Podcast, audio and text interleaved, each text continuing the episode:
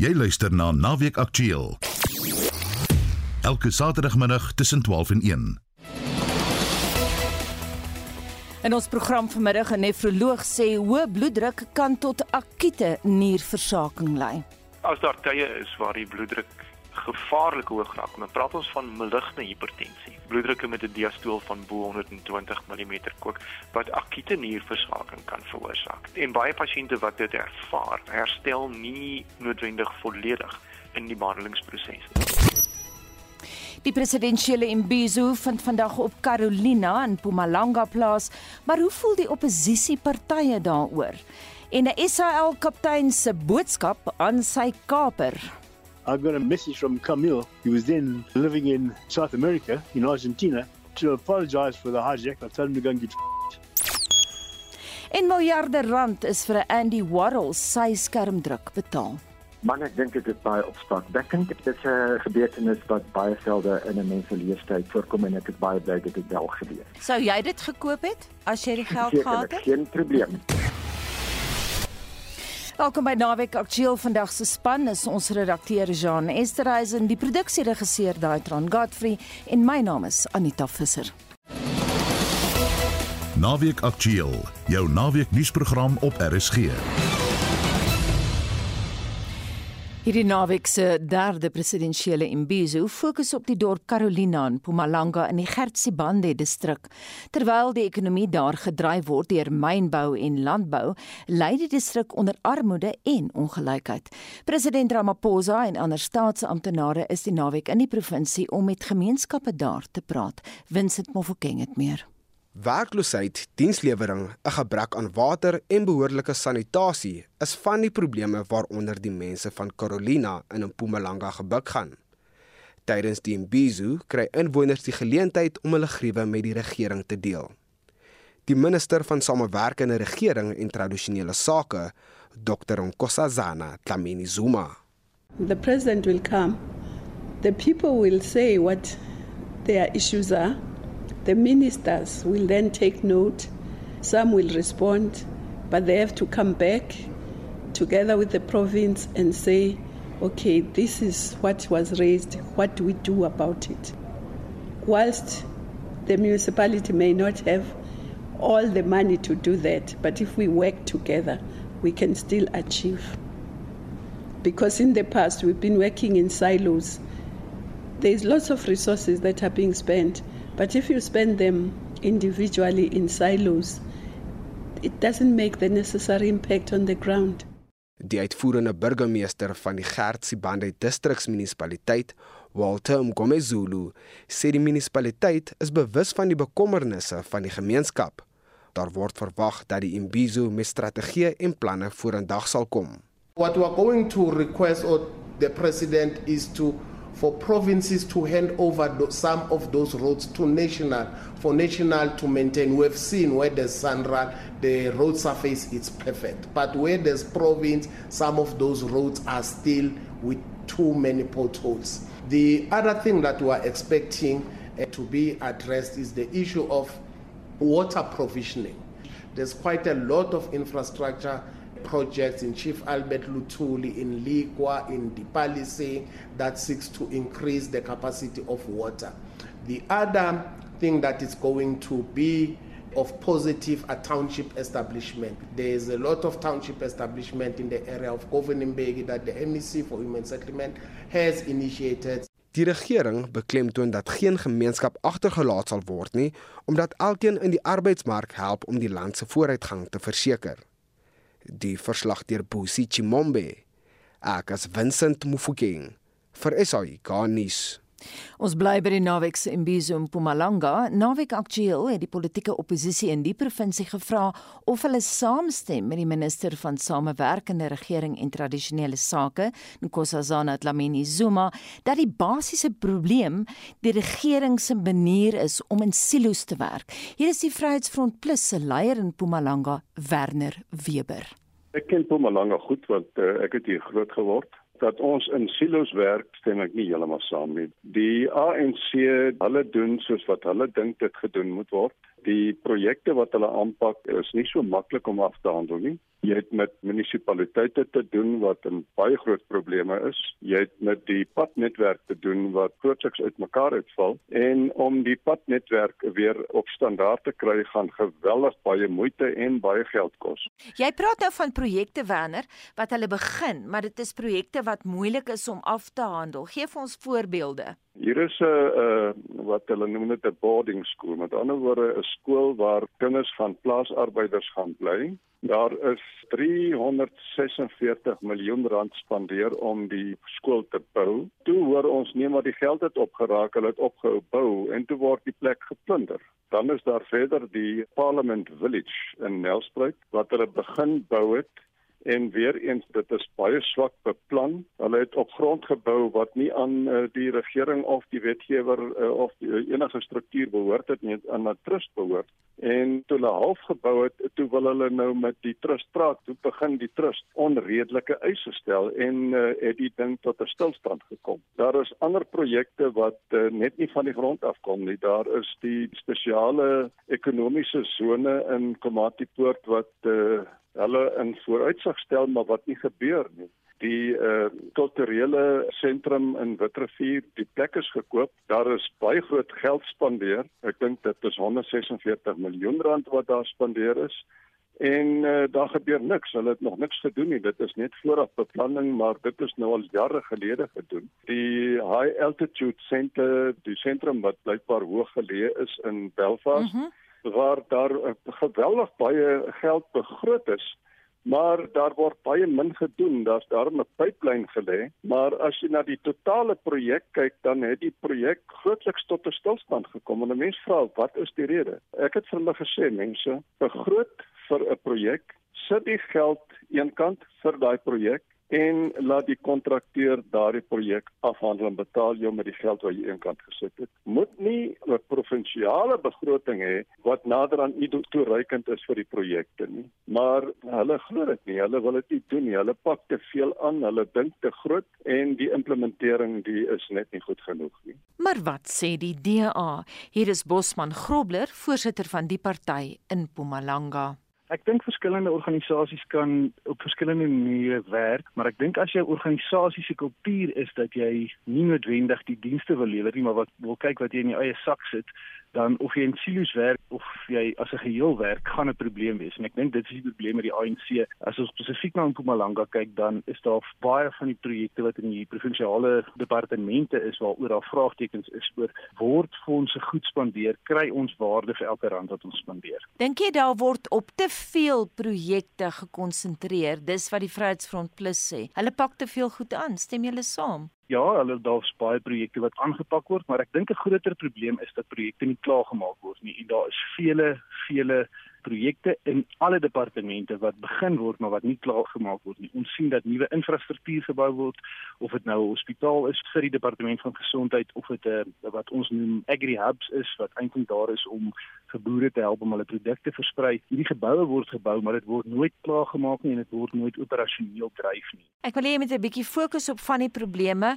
Ons het nou uh, vroeër gehoor dat die hoofburgemeester van die Gert Sibanda munisipaliteit sê hy gee toe dat watervoorsiening is 'n groot probleem in daardie deel van Mpumalanga. Ons moet net onthou dat Gertsibande se distriksmunisipaliteit mm. met ander woorde, hy praat van 'n derde van die provinsie as ja. hy toegee dat daar waterprobleme is. Daar's sewe munisipaliteite wat onder Gertsibande val. Ja. So jy praat letterlik van 'n baie groot gedeelte van hierdie provinsie wat lê onder water. As ons kyk na ander probleme dan sonder om soos 'n oppositiepolitikus te klink, dan is daar regtig probleme of dit nou is met water of dit elektrisiteitsvoorsiening is en of dit dienslewering is en of dit net die toestand van ons paaie is, die toestand van ons toeriste aantreklikhede, die toestand van hoe ons operasioneel in die provinsie is. Selfs as ons kyk na veiligheid en sekuriteit, die dienste wat aangevra word deur die provinsiale departement en geld wat daarvoor betaal word, dit is regtig 'n probleem. Ou kan aangaan en aangaan. Ek sukkel om 'n ligpunt in die provinsiale departemente te kry. Ek moet sê op hierdie stadium Miskien die enigste LER wat 'n mens bietjie krediet kan gee is die LER van die departement van publieke werke, Mohita Lakshminarayan wat regtig probeer, sy's op die grond, sy gaan uit na projekte toe.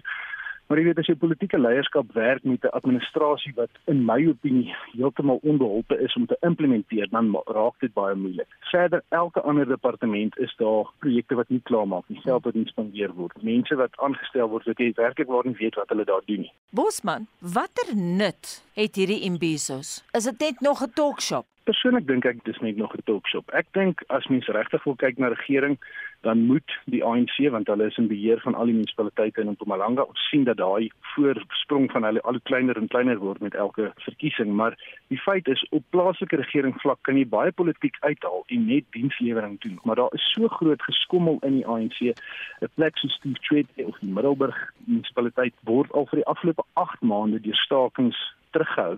En dit wys net dat daar nie leierskap is nie, daar's nie 'n visie nie, daar's geen behoefte by ons regering om werklik dienste te lewer. Bosman, jy het nou gesê mense kan baie van die politiek uithaal op plaaslike vlak. Ek neem aan jy bedoel daar kan goeie samewerking wees. Geef ons 'n voorbeeld. Ek dink dit is belangrik om te besef dat mense hulle lewenswyse maak of hulle lewe, jy weet, 'n lewe maak in plaaslike munisipaliteite. Dit is besigheidseienaars, dit is verskillende gemeenskapsgroepe of dit nou kerke is en of dit klubs is en of dit sosiale instansies is.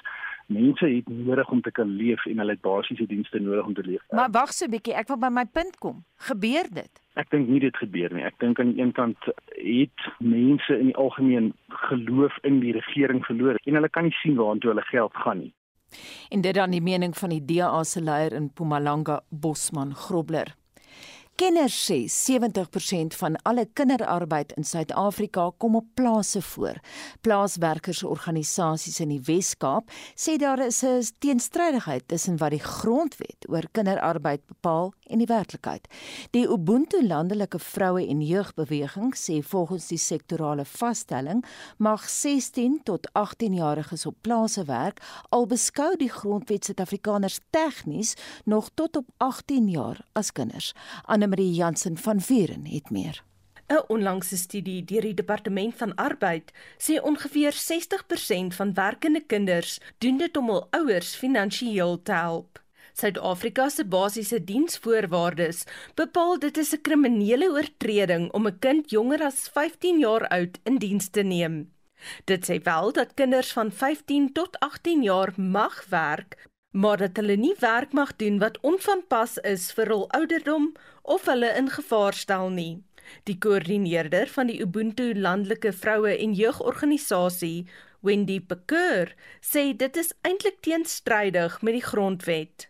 Wendy Pekeur sê dit is eintlik teenstrydig met die grondwet. For the mere fact that the sectoral determination that that set minimum wages and conditions of employment allow that farm worker children between the ages of 15 or 18 to work on the farm or any child between these ages. Now for us that's a contradiction with the constitution that says any person up to the age of 18 is considered a child. Even though the sectoral determination speaks of 35 hours and not being exposed to hazardous work, it's still child labor. Die uitvoerende hoof van Agri Weskaap, Danny Strydom, moedig boere aan om binne die wet op te tree. As an organization, we are not aware of any incidents regarding child labor. In the Western Cape, farms are regularly visited by Department of Labor and Employment to do audits. And from Agri Western Cape side, we urge our members to stay within the confines of the law. Die arbeidsprokureur Michael Begram sê dit is 'n probleem dat party boere nog kinders in diens neem. With regard to child labor and in particular child labor on farms, we know that it is a problem. It's apparently almost 70% of the child labour in South Africa is farm based. We know that in terms of the basic conditions of Employment Act, it's 15 is the cutoff, 15 years old is the cutoff. We know that the International Labour Organization have turned to this issue. They're busy tackling it. Hierdie gesprekke het deel gevorm van die 5de internasionale konferensie oor die uitskakeling van kinderarbeid wat hierdie week in Durban plaasgevind het. Die verslag van Tandiswa Mau in Kaapstad en ek is Anne Marie Jansen van Vuren vir SAK nuus. Die afgelope week is die fokus geplaas op hoë bloeddruk oftewel hipertensie. Helaas waarsku die media al te dikwels oor die gevolge van hoë bloeddruk, naamlik beroertes en hartaanvalle. Belangrik is egter die effek van die toestand op die niere, so sê 'n nefroloog verbonde aan Tygerberg Hospitaal, Dr. Johan Nel. Daar's 'n toestand genaamd hipertensiewe nefropatie wat ons weet meer algemeen in swart pasiënte voorkom as in wit pasiënte. Dit lei stadig en progressief na kroniese nierversaking. As daar tye is waar die bloeddruk gevaarlik hoog raak, dan praat ons van maligne hipertensie. Bloeddrukke met 'n diastool van bo 120 mm kook wat akute nierversaking kan veroorsaak. En baie pasiënte wat dit ervaar, herstel nie noodwendig volledig in die behandelingsproses nie. Die tweede om te onthou is dat hoë bloeddruk 'n waarskuwing per se van 'n onderliggende nefritis kan wees. Die klassieke beeld is die van bloed, hematurie wat opgetel word in die urine met 'n doopstokkie, pasiënte wat enkels begin swel en hulle begin hipertensief raak. En as daar dan verder gekyk word, word daar agtergekom hulle het nie versaking wat progresseer en dit kan nou 'n primêre niersiekte wees of dit kan sekondêr wees tot 'n post-infektiewe reaksie of sekondêr tot 'n sistemiese outoimmuunsiekte soos lupus. Die derde belangrike ding om te onthou is dat hipertensie of hoë bloeddruk per se die agteruitgang van die niere in enige toestand van kroniese niersiekte bespoedig.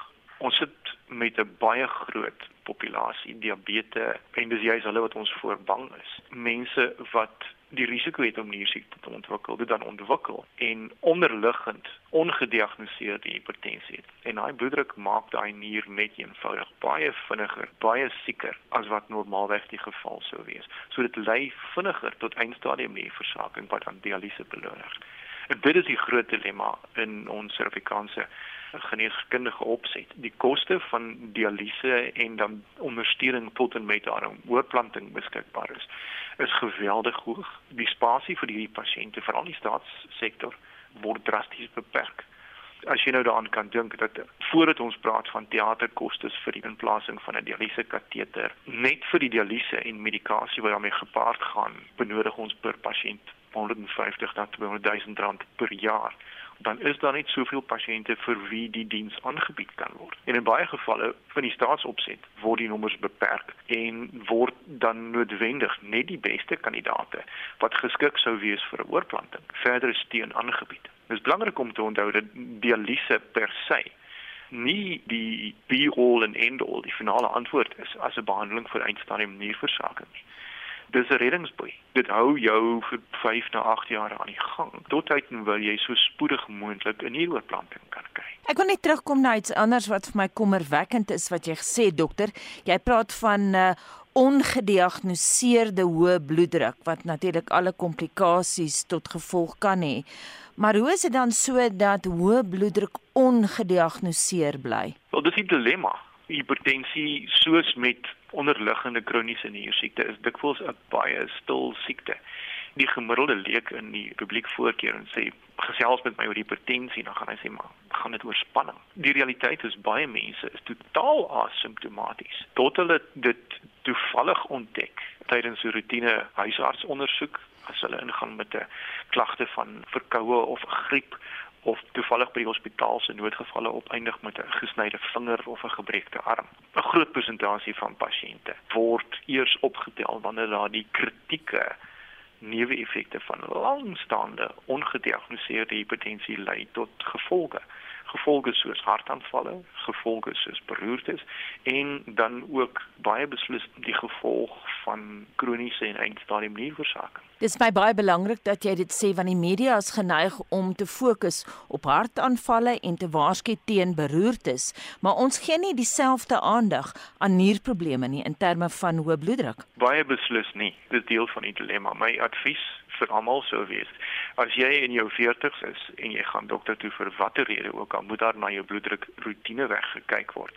Ons diagnoseer nooit hipertensie net op 'n enkele lesing nie. Die onderliggende ander probleem word gewoonlik eers aangespreek en ons sê vir die pasiënt kom oor 'n dag of drie terug en dan moet die toets korrek uitgevoer word pasiënt moet lekker rustig sit vir 'n minimum van 10 minute, arm op 'n spesifieke posisie, die bloeddruk moet korrek geneem word En ons neem dit dikwels dan oor 'n periode van 5 na 10 minute op herhaalde basis om dan te kan sê maar luister, jy het onderliggende hipertensie en dit moet aangespreek word. Die ander aspek is net so belangrik. As jy gediagnoseer word met hipertensie, moet jou huisdokter 'n urine doopstokkie toets doen om te kyk is daar proteïene of bloed in jou urine want dit is 'n vroeë waarskuwing van onderliggende niersiekte. En as dit wel gevind word, behoort daar 'n serum kreatinine aangevra te word om te kyk na jou nierfunksie op 'n gereelde basis. En daai waarskuwing kom van die nefroloog Dr. Johan Nel wat van Tygerberg Hospitaal af met ons gepraat het. Komende Dinsdag 24 Mei sal dit die 50ste herdenking wees van die eerste en enigste SAL kaping. Die SA029 Letaba was van die destydse Salisbury op pad na Johannesburg toe die Boeing 727 met 54 passasiers aan boord gekaap is. Die storie het die SAIK se nuusdiens laat bond staan met personeel wat vinnig ontplooi is. Drie van hulle, Chris Pieters, Jan Skols en Willie Camilleri, het vanuit verskillende nuushoeke en twee lughawens die ontwikkelende storie gedek. Ons het die nuus van die skakel omtrent om 04:30 vanmiddag gehoor. En toe ons by die lughawe kom, was die Suid-Afrikaanse lugdiens Boeing 727 vlug SA029 reeds op die lughawe. Daar was geen teken van lughaweamptenare of veiligheidsbeamptes in die nabyheid van die Boeing nie. En alles op die lughawe was stil. Blykbaar het min mense besef dat 'n drama besig is om op die aanloopbaan af te speel. Ons het later vasgestel dat die vliegtuig om 12:50 vanmiddag van Salisbury af opgestyg het op pad na Johannesburg en dat hy op 3:15 weer in Salisbury neergestryk het nadat hy naby Johannesburg geskaak is. Die brandstoftanks van die Boeing is volgemaak en teen 4 uur het hy stadig na die ooste kant van die aanloopbaan beweeg. In hierdie stadium kon ons sowat 20 mense naby die vliegtuig sien, maar hulle was ooglopend versigtig om nie die indruk te wek dat hulle te naby gaan nie. Net voordat die vliegtuig opgestyg het, is die meeste van die passasiers toegelaat om die vliegtuig te verlaat. Een van die passasiers, meneer J. Nordie van Pretoria, het aan my gesê dat hy direk agter die skakers gesit het. Hy het hulle beskryf as Arabiere of Grieke. 'n Rhodesiese lugmag Canberra bomwerper het kort voor die Boeing opgestyg en dit agtervolg toe dit in 'n suidoostelike rigting verdwyn het. Dwars deur die hele voorval het die passasiers en bemanning kalm gebly. En volgens meneer Nordee was daar geen teken van vuurwapens of bomme in die skakers se besit nie. Hoewel een van hulle 'n groot voorwerp wat soos 'n kamera gelyk het op sy skoot gehou het. Dit is Jan Skols in Salisbury. Intussen het skool se kollega Chris Pieters gebeure op die destydse Jan Smuts lughawe gemoniteer. Die jongste nuus hier van die lughawe Jan Smuts af is dat die vliegtuig wat Salisbury toe gestuur is om die passasiers te gaan haal, so teen 0:30 vandag eers verwag word. Dit is uiters moeilik om inligting te kry omdat al die amptenare en hoofde van die lugdiens die spoorweë besig is en hulle nie gekontak kan word nie. Op sy beurt het die Johannesburgse nuuskantoor se Willie Camilleri met nog passasiers gaan praat. Well, we were just about to, to coming down to land in Johannesburg and the pilot came on board and said we've got a little bit of trouble up here. Um, we're going on to Blantyre. And uh, we swung around and um, a little while later we realized what was going on. Was there any panic on board? No, the crew were absolutely marvelous. The passengers were excellent. Everything was very, very calm. I give full tribute to the crew. They were terrific. Die twee kapers wat hulle self voorgestel het as Yagi en Kamil, het net voor landing op Jan Smuts twee kajuitpersoneellede gewaarsku dat hulle met dinamiet die Boeing sou opblaas tensy die kaptein terugvlieg Salisbury toe. Dis daar waar die eintlike onderhandelinge begin het, soos wat kaptein Blake Flemington onthou. Then we started negotiating. He wanted me to fly to the Seychelles. And I said, oh, we can't make it. We're too heavy. The more fuel we take, the further we can fly. So we have to get rid of weight. So I managed to talk him into allowing all but seven passengers to disembark. So I managed to get most of our passengers off the aircraft. And then we refueled. I could have actually flown to Seychelles without any trouble. Didn't tell him that. We got airborne to fly towards the Seychelles. And when we were out across the sea, we kept talking. And I said, I think we're running out of fuel. We're going to have to ditch the aircraft in the sea. So unless you go back and refuel. He allowed me to fly into Malawi, and we landed there. The Malawians deflated the tires, which I had asked them to do quietly. Mm-hmm. How did you manage to ask them without uh, him hearing? Talking into my microphone, With my head turned towards the window, he couldn't hear what I was saying. And he wouldn't know that I was talking to anybody at all because uh, he didn't know that I'd opened the radio. A lot of our success was their ignorance. En dit was dan ook op Blantyre se Chileka lughawe waar die finale deel van die drama om afgespeel het. It took a long time. While they were talking, I managed to get my whole crew into the cockpit and we all escaped down the escape rope on my side, on the captain's side of the aircraft. But he still had seven passengers on board. Camille leaned out the window, cockpit window, and he um, said he started killing the passengers one by one if I didn't come back on the aircraft. So I said, okay, I'll come back. But when I went down the escape rope, I took off my boots so I could use my feet. Eventually, he threw down my boots. He said, I must come back up the rope. I said, that'd be ridiculous. I'm not a monkey. Can't climb a rope. So he lowered the after air stairs and I went back on board. And there were still the seven passengers and Camille and Yagi. And after a lot of negotiating, we'd gone through the night. Al Yagi lit a fuse in the cabin to scare everybody, and he sure as hell did. I got all the passengers to run forward and uh, jump out the window. I followed them and left the two hijackers aboard. They sat aboard there until uh, the Malawi army lined up on both sides of the aircraft and opened fire. I was told afterwards that they fired over a thousand rounds that were fired. There were 27 holes in the aeroplane, and the hijackers came running out. The only one hit was Yagi, who was shot in the foot, which I thought was very appropriate at the time. And that was the end of the hijack. Maar dit was toe nie die einde van die storie nie. Jare later het Kamel se gewese vrou vir kaptein Blake Flemington in Nieu-Seeland gaan besoek. His ex-wife came and spent 5 days with me in New Zealand on the beach because she wanted the whole story. She divorced him just before the hijack. She's a university professor in Australia at the moment and she wanted to write a book calling it Confessions of a Hijacker's Wife. Melanie Nicholson, lovely woman, lovely woman. Just shows you. En nog was dit einde nie. Camille self het kontak gemaak met kaptein Flemington. I got a message from Camille. He was then living in South America, in Argentina, to apologize for the hijack. I told him to go and get dit dan kaptein Blake Flemington wat in beheer was van die SA029 Letaba wat op 24 Mei 1972 gekaap is en die argiefklank is opgespoor met behulp van Karen de Tooi.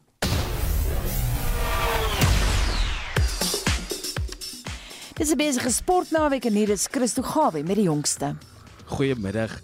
Marokkaanse oorheersing van die Afrika Konfederasie beker toernooi het gisteraand in Nigerië voortgeduur soos RS Berkane Orlando Pirates met 5-4 met strafdoele geklop het na 'n gelykop uitslag van 1-1 na bykomende tyd. Yusuf El Fali het 7 minute in bykomende tyd sy 6de doel van die tweede vlak Afrika kompetisie vir Berkane aangeteken uit 'n strafskop wat toegeken is nadat die skeieregter 'n oortreding beoordeel het. In golf het Justin Thomas hom gister in die tweede ronde van die PGA Kampioenskap in 'n winderige Southern Hills baan in Oklahoma as die nuwe voorloper gevestig met 'n tweede agtereenvolgende ronde van 67. Die Amerikaner se dag het 4 voeltjies en net een brouhou ingesluit vir 'n toernooitelling van 134, 6 houe beter as baansyfer.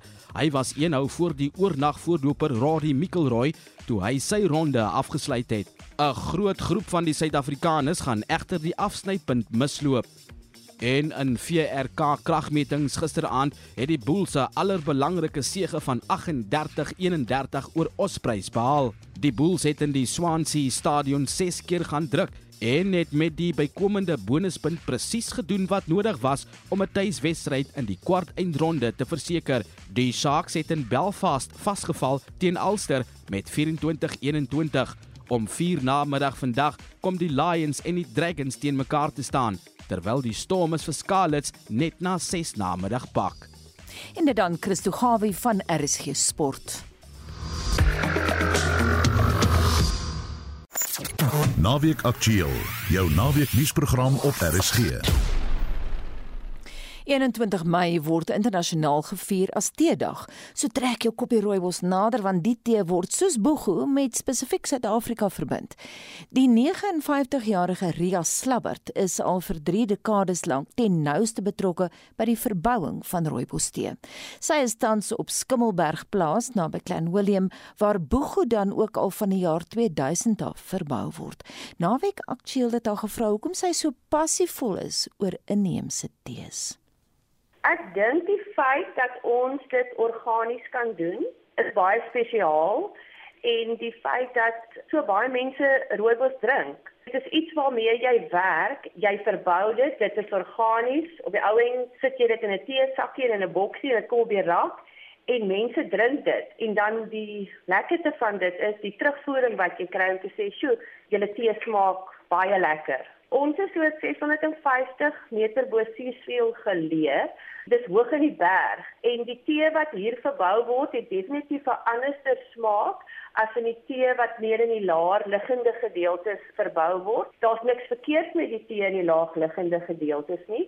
Dit is net tee in die berge het net 'n ander tipe smaak. En dit is ook waar die oorspronklike tee verbou is, is in die Klein Willem Cedeberg omgewing. En toe later soos die aanvraag toegeneem het na rooibos, was ons genoodsaak om op ander dele ook rooibos aan te plant. Boegu is nou in sy baba skoene. Dit nou bygekom of hoe Ria? Boegu by ons het bygekom omtrent so in die begin van die 2000, jaar 2000. Eers baie klein. Boegu kom natuurlik hier by ons voor in die berge en ons het besluit dit is iets wat ons 'n kans wil gee. Daar's definitief 'n mark daarvoor. Ons het gevoel ons kan dit doen. En ons het van 2008 stelselmatig het ons boegu begin aanplant En dit was omtrent 'n leerskool. Hoe moet ek die plantjie plant? Watter tyd is die beste om te plant? Wanneer is die beste om te oes? Ons het ons saadjies self opgevang, ons doen dit nog steeds en dan word dit in saailaaie gesit in kweekhuise. Dit was 'n groot uitdaging. Daar was geen skrywes oor dit om te sê jy doen dit so, hierdie is die tipe grond wat die beste werk. Ons het 'n leerskool deurgegaan en vandag nog, ek bedoel ons leer nog al die pad. Ons voer heelwat uit. Europa is ons grootste mark. Ons voer ook na Amerika toe uit. As ek nou praat van Boegu, rooibos is Europa, Amerika en die Verre Ooste, Boegu is meestal die groot hoeveelhede gaan Europa toe. Ons kry nou baie te doen met die Europeërs want ook op die plaas ons bied opvoedkundige toere aan, rooibos en Boegu toere. So ons het heelwat toeriste van spesifiek van Europa. Ons neem die toeriste uit na 'n uh, rooibeesteeland, na 'n boegeland. Hulle klim uit, hulle loop in die veld.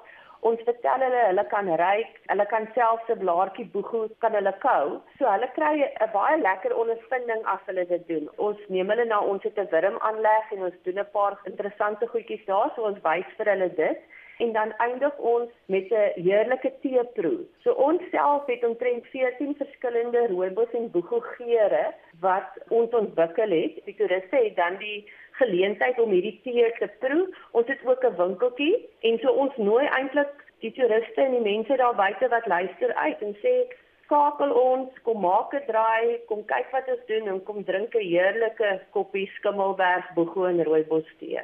Die 27-jarige Pascal Vogs is 'n student van die politiek en ekonomie en woon naby Lucerne in Switserland. Hy is nou al vir 'n wyle in Suid-Afrika en die aansporing om hierheen te kom was die entoesiasme oor die land van sy vriende af. basically word of mouth. So I have a lot of friends who told me that South Africa is amazing to travel, and a lot of people actually go on exchange here in South Africa for university exchange. And they also told me the wide plains and the nature here is very beautiful and nice people. Has been kind of like told me from many sides that it's just a very nice travel destination.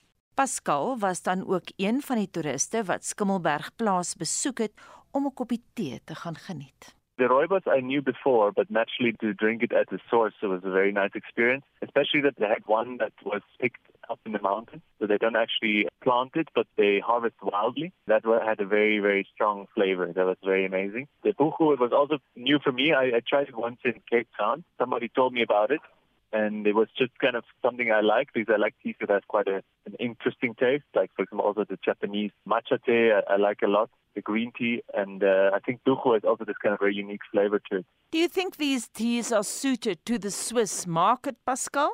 Definitely. I think in Switzerland tea is quite big. It's often that kind of new things are introduced. People are quite keen to try new things. Argentinian mat, um, mate. What is it called? Mate. Mate, exactly. Yeah. Is now all over the place. So I could imagine Buchu would be similar to that. En so sê die 27-jarige Pascal Voegs wat gister vanuit Namakwaland sy liefde vir rooibos tee en boegu met Naweek Aktueel gedeel het. 195 miljoen Amerikaanse dollar, oftewel 3,1 miljard rand, is pas by 'n Christie's kunsveiling in New York betaal vir 'n Andy Warhol sy skermdruk. Dis die hoogste prys wat nog vir 'n kunswerk uit die 20ste eeu betaal is. Warhol se sy skermdruk van Marilyn Monroe, Shot Sage Blue Marilyn, is deur die kurator en interkontinentale kunshandelaar Larry Gagosian gekoop. Naweek aktueel het gaan uitvind of die geld die kunswerk werd is. Willem van Rensburg is sedert 2015 'n senior kunskenner by Strauss & Company in Johannesburg wat spesialiseer in kunsveilings. By van Rensburg was daar geen twyfel oor die wysheid van die Warhol aankoop nie. Maar ek dink dit is baie opstakwekkend. Ek weet dit is maar een keer in 'n mens se leeftyd wat so 'n belangrike kunswerk opkom. Die amptelike titel is Die geskiete Sally Blou Marilyn deur Andy Warhol. Dit is 'n gebeurtenis wat baie selde in 'n mens se leeftyd voorkom en ek is baie bly dit het wel gebeur. Maar aanvanklik sou dit vir 200 miljoen onder die hamer gaan. Dis reg. Die 200 miljoen wat jy noem, is wat ons genoem die beraamdes of geskatte waardes en dit word vasgestel tussen die verkoper en natuurlik die afslaer, maar daar is ook 'n reserveprys. Die 195 dis natuurlik met kommissie. Die hamerprys was 170 miljoen Amerikaanse dollar en dit is wat ons noem die reserveprys. Jy weet dit is net om vir die afslaer 'n bietjie speling te gee indien die werk nie 200 miljoen sou behaal het nie dat hy wel 'n speling het om as daar 'n ander aanbod is die bod wel kan toestaan. Die beraamde waardes of skattewaardes is maar die parameters waarke sien mense weet jy weet dan moenie dink hulle gaan hom vir 100 miljoen kry nie. Hulle moet dan ten minste so 200 miljoen in gedagte hê as hulle sy belangstel om die werk te verkoop. Sou jy dit gekoop het as jy die geld gehad het? Geen probleem. Absoluut geen probleem. Dit is 'n absolute unieke werk en ek wil dit sê verduidelik. Dit is 'n absolute seismiese verskywing wat in die kuns in die vroeg 60er jare toe hierdie werk geskilder is. Hierdie werk is in 1964 geskilder en in daai stadium was dit 'n letterlike seismiese verskywing wat in die kunsgeskiedenis plaasgevind het. Die doel van kuns sedert die renessans was maar om die natuur so getrou as moontlik weer te gee in 'n skildery. En die het 'n hoogtepunt bereik hierso in die 3 kwart tussen die 19de eeu. Toe het daar 'n geweldige verskywing plaasgevind. Jy weet, en mense het gesê dis nie om die natuur weer te gee nie. Kunswerk is aan die einde van die dag 'n plat objek, 'n plat voorwerp wat mens in 'n muur hang en toe het die aandag verskuif na die formele elemente van die kuns. Jy weet, 'n plat vlakke, lyn, kleur, tekstuur en dit was die stuwing van modernisme tot die middel van die 20ste eeu. En toe, in die 60er jare is daar hierdie geweldige vernuwing wat ingelei is deur Andy Warhol. En hy het gesê nee nee nee, ons gaan terug na die realisme. Jy kan baie duidelik Marilyn Monroe dat ken daar, maar hy het ook nuwe tegnieke gebruik. Jy moet onthou hy het as 'n uh, kommersiële kunstenaar opleiding gekry. So hy het geweet van hierdie syskerm druk tegnieke wat uh, mens kan gebruik en in Suhaika baie onkonvensionele, nie die tradisionele olie op doek nie, maar baie onkonvensionele tegniek gebruik om hierdie werk te doen en dan ook die ander verskywing wat plaasgevind het is jy weet dit was nou nie die formele elemente nie, maar hy het ook populêre kultuur, dit waar ook pop art vandaan kom, die mm. term. En mens moet ook kyk na die populêre kultuur soos film, soos musiek, soos dans, soos drama en die inlys in die hoëre kunste, jy weet. Hy het heeltemal daai artifisiële skeiding verbreek en dit hoekom sy kind so revolusionêr was. Nou gaan hierdie verkoop van hierdie skildery iets beteken vir die veilingseisoen in New York wat nou net begin het. Gaan dit 'n presedent skep in terme van pryse dink jy Willem? Ek sou sê ja, dit is interessant dat 'n Amerikaner wel die werk verkoop het, Larry Gagosian, maar wat ek lees is dat die dit was baie stil natuurlik van die Russe, hulle het glad nie deelgeneem nie en ek is nie verbaas nie, maar hulle is ook verbaas dat die Chinese nie deelgeneem het hieraan nie. Die persoon wat dit verkoop het is Larry Gagosian. Hy het aanvanklik ook in 1986 die werk, die spesifieke werk aan Thomas Amand verkoop het en dis die die die net vir die jaar dood is. Die is alles in die boedel gestort en die opbrengs van die hele veiling daar was 36 werke gewees op hierdie veiling. Alles gaan vir die dadigheid. Die werk self, Larry Gagosian, jy weet hy is natuurlik die nommer 1 kunshandelaar in die hele wêreld en ons almal vermoed dat dit wel gekoop is vir 'n Midde-Oosterse museum. Met die seisoen die veilingseisoen wat nou in New York plaasvind verwag die mense dat die Chinese en die Midde-Ooste en ek weet nie of hulle dit se gaan toelaat nie maar hulle gaan nou inspring en hulle gaan die kontemporêre kuns koop. So daar's 'n bloeityd in New York Gordon Froud is een van Suid-Afrika se bekendste beeldhouers, maar ook 'n kurator van formaat en hoof van die Universiteit van Johannesburg se departement visuele kuns. Hy deel Willem van Rensburg se mening oor die kunswerk se waarde. Ek is opgewonde oor die verkoop van hierdie werk want Andy Warhol is een van die uh, gewilde kunstenaars van die 20ste eeu, maar hy is ook een van die mees belangrike kunstenaars van daai eeu op 'n seksuele vlak en die werk ook die Marilyn Monroe is een van die mees ikoniese werke van die hele pop art movement. As jy dit kon koop, sou jy dit gekoop het as jy die geld gehad het? Ek sou definitief dit gekoop het, ja. Daar is mense wat sê die wêreld het ander krisisse, dat daar amper 'n soort van 'n vulgariteit is om daai soort van geld aan 'n kunswerk te bestee.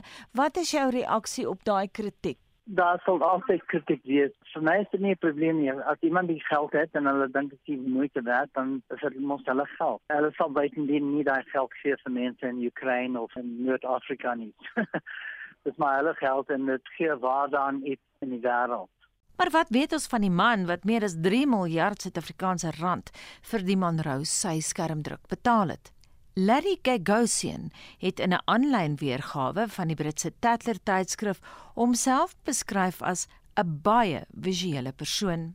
Die internasionale manstydskrif GQ sê hy is en ek hou aan the closest thing the art world has to a Caesar. Hy word alomweer beskou as die belangrikste kunshandelaar ter wêreld wat sedert die 60er jare verskeie kontemporêre kunstenaars soos Damien Hirst en Wile Roy Lichtenstein verteenwoordig het. Die 77-jarige se filosofie is gebaseer op harde werk, passie en 'n goeie visuele oog.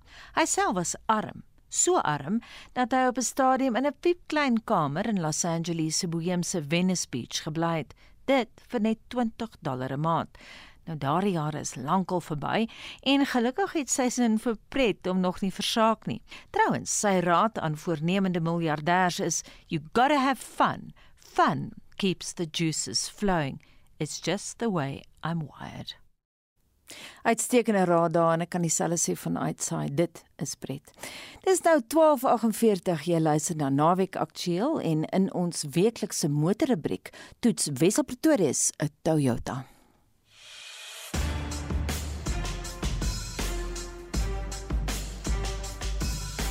Toyota se Rateltaai Land Cruiser reeks het oor dekades heen bekend geword as die koning van Afrika. En 'n nuwe Land Cruiser is groot nuus. Die groot 200 Sportnets wat 14 jaar lank plaaslik te koop was, is deur die splinternuwe 300 vervang. Die 300 se buiteafmetings bly dieselfde, maar dank sy nuwe materiale is hy 'n goeie 200 kg ligter as sy voorganger. Die petrol en diesel V8s maak ook nou plek vir turbo-aangejaagde V6se wat nie net meer krag lewer nie, maar ook ligter op die sous is. Steeds 'n hoekige voorkoms met 'n prominente sierrooster. Ek het die turbo diesel GR Sport model gery. Dit staan vir Gazoo Racing Sport en is die meer veldry gefokusde model in die reeks met 'n meer sportiewe voorkoms soos 'n swart sierrooster en swart alloy wiele.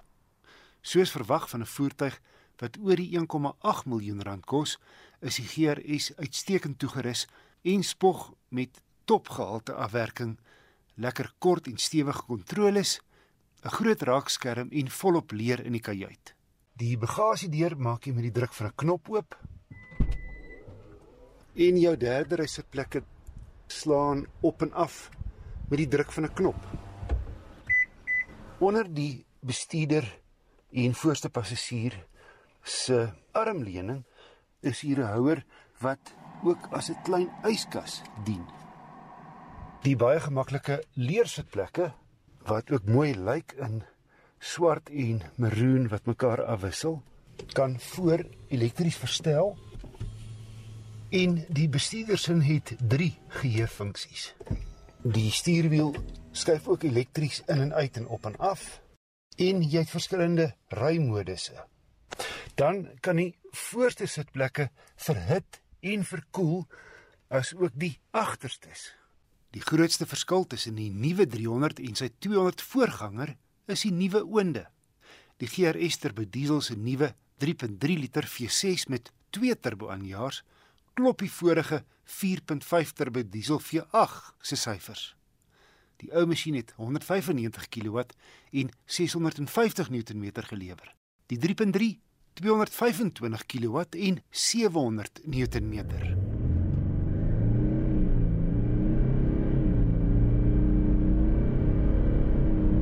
Kaartuitskrif het die 0 na 100 loopie in 'n flink 8,2 sekondes afgelê. Glad nie sleg vir 'n lummel wat 2,6 ton weeg nie. Teen 120 km/h lê die toere maar teen 1600 in 10de rad. En is teen die spoed opvallend stil in die kajuit. Interessant, 1600 is dan ook die enjin spoed van waar hy sy maksimum wrinkrag lewer. Op 'n heen en weer tripie van Johannesburg na die Vrystaat was my verbruik 'n billike 9,3 liter per 100 km. Ritgehalte is baie goed op teer en grond en hoewel die klem op gerief is, hanteer hy beter as sy voorganger. Tydens 'n veldry uitstappie het die cruiser GRS enige uitdaging wat soos moeilikheid gelyk het sonder moeite kaf gedraf. Danksy voorste en agterste ewenaars wat sluit, kamerabeelde en 'n gevorderde stelsel met verskillende terreinmodusse wat tot 'n groot mate die werk vir die bestuurder doen. Om op te som, Die Toyota Land Cruiser 300 GR Sport is teen 1,866 miljoen rand, alles behalwe goedkoop. Maar onder die groot sportnuts in die prysklas staan hy uit met 'n uitstekende balans tussen ruimte, gerief, veldry vermoë, toerusting en daarmee saam die cruiser se reputasie van betroubaarheid. Vir 'n half miljoen minder bied die goedkoopste GXR model egter beter waarde teen 1,32 miljoen, nie heeltemal so lyk soos die GRS nie, maar dieselfde masjien. Sou jy die 300 kan bekostig, sal jy egter geduldig moet wees. Die Land Cruiser 300 word nie direk deur Toyota Suid-Afrika se waterbeskadigde aanleg in Durban geraak nie, wat terloops nog steeds nie in bedryf is nie. Maar die 300 wat in Japan vervaardig word, se produksie word wel negatief deur die wêreldwye halfgeleier-krisis geraak. Volgende week evalueer ek 'n Chinese voertuig, Chery se Tiggo 4. En die laaste dis op die naweek aktueel spyskaart is die fliekrubriek met Leon van der Hoop.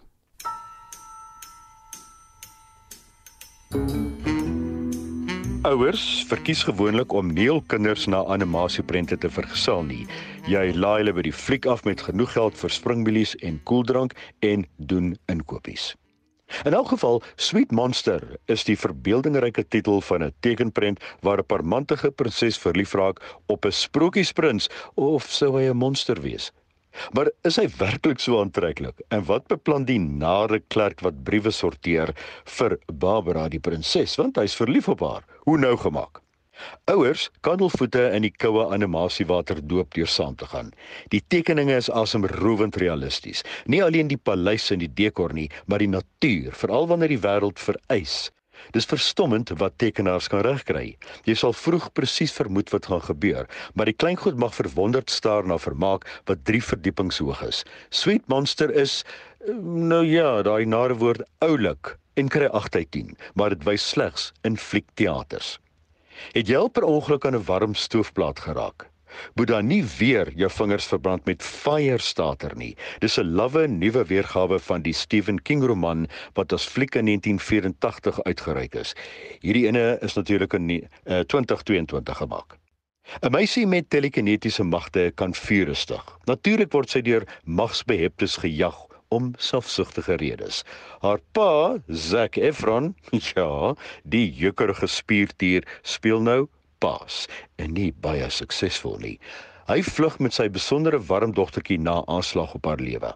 Ag nee wat, 'n mens skrik groter vir die petrolpryse vir die gruwels in die fliek en as jy regtig geterroriseer wil word, ry op sommige platlandse paaie en kyk hoe diep die slaggate is en of jy hulle kan misry.